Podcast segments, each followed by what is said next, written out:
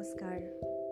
শ্ৰোত live thoughts ফ্ল' শীৰ্ষক পডকাষ্টলৈ আপোনালোকক স্বাগতম। এই পডকাষ্টটোৰ জৰিয়তে মই মোৰ একান্ত ব্যক্তিগত অনুভৱবোৰ আপোনালোকৰ আগত ব্যক্ত কৰিবলৈ যত্ন কৰিম। আশা কৰিছোঁ আপোনালোকে ভাল পাব।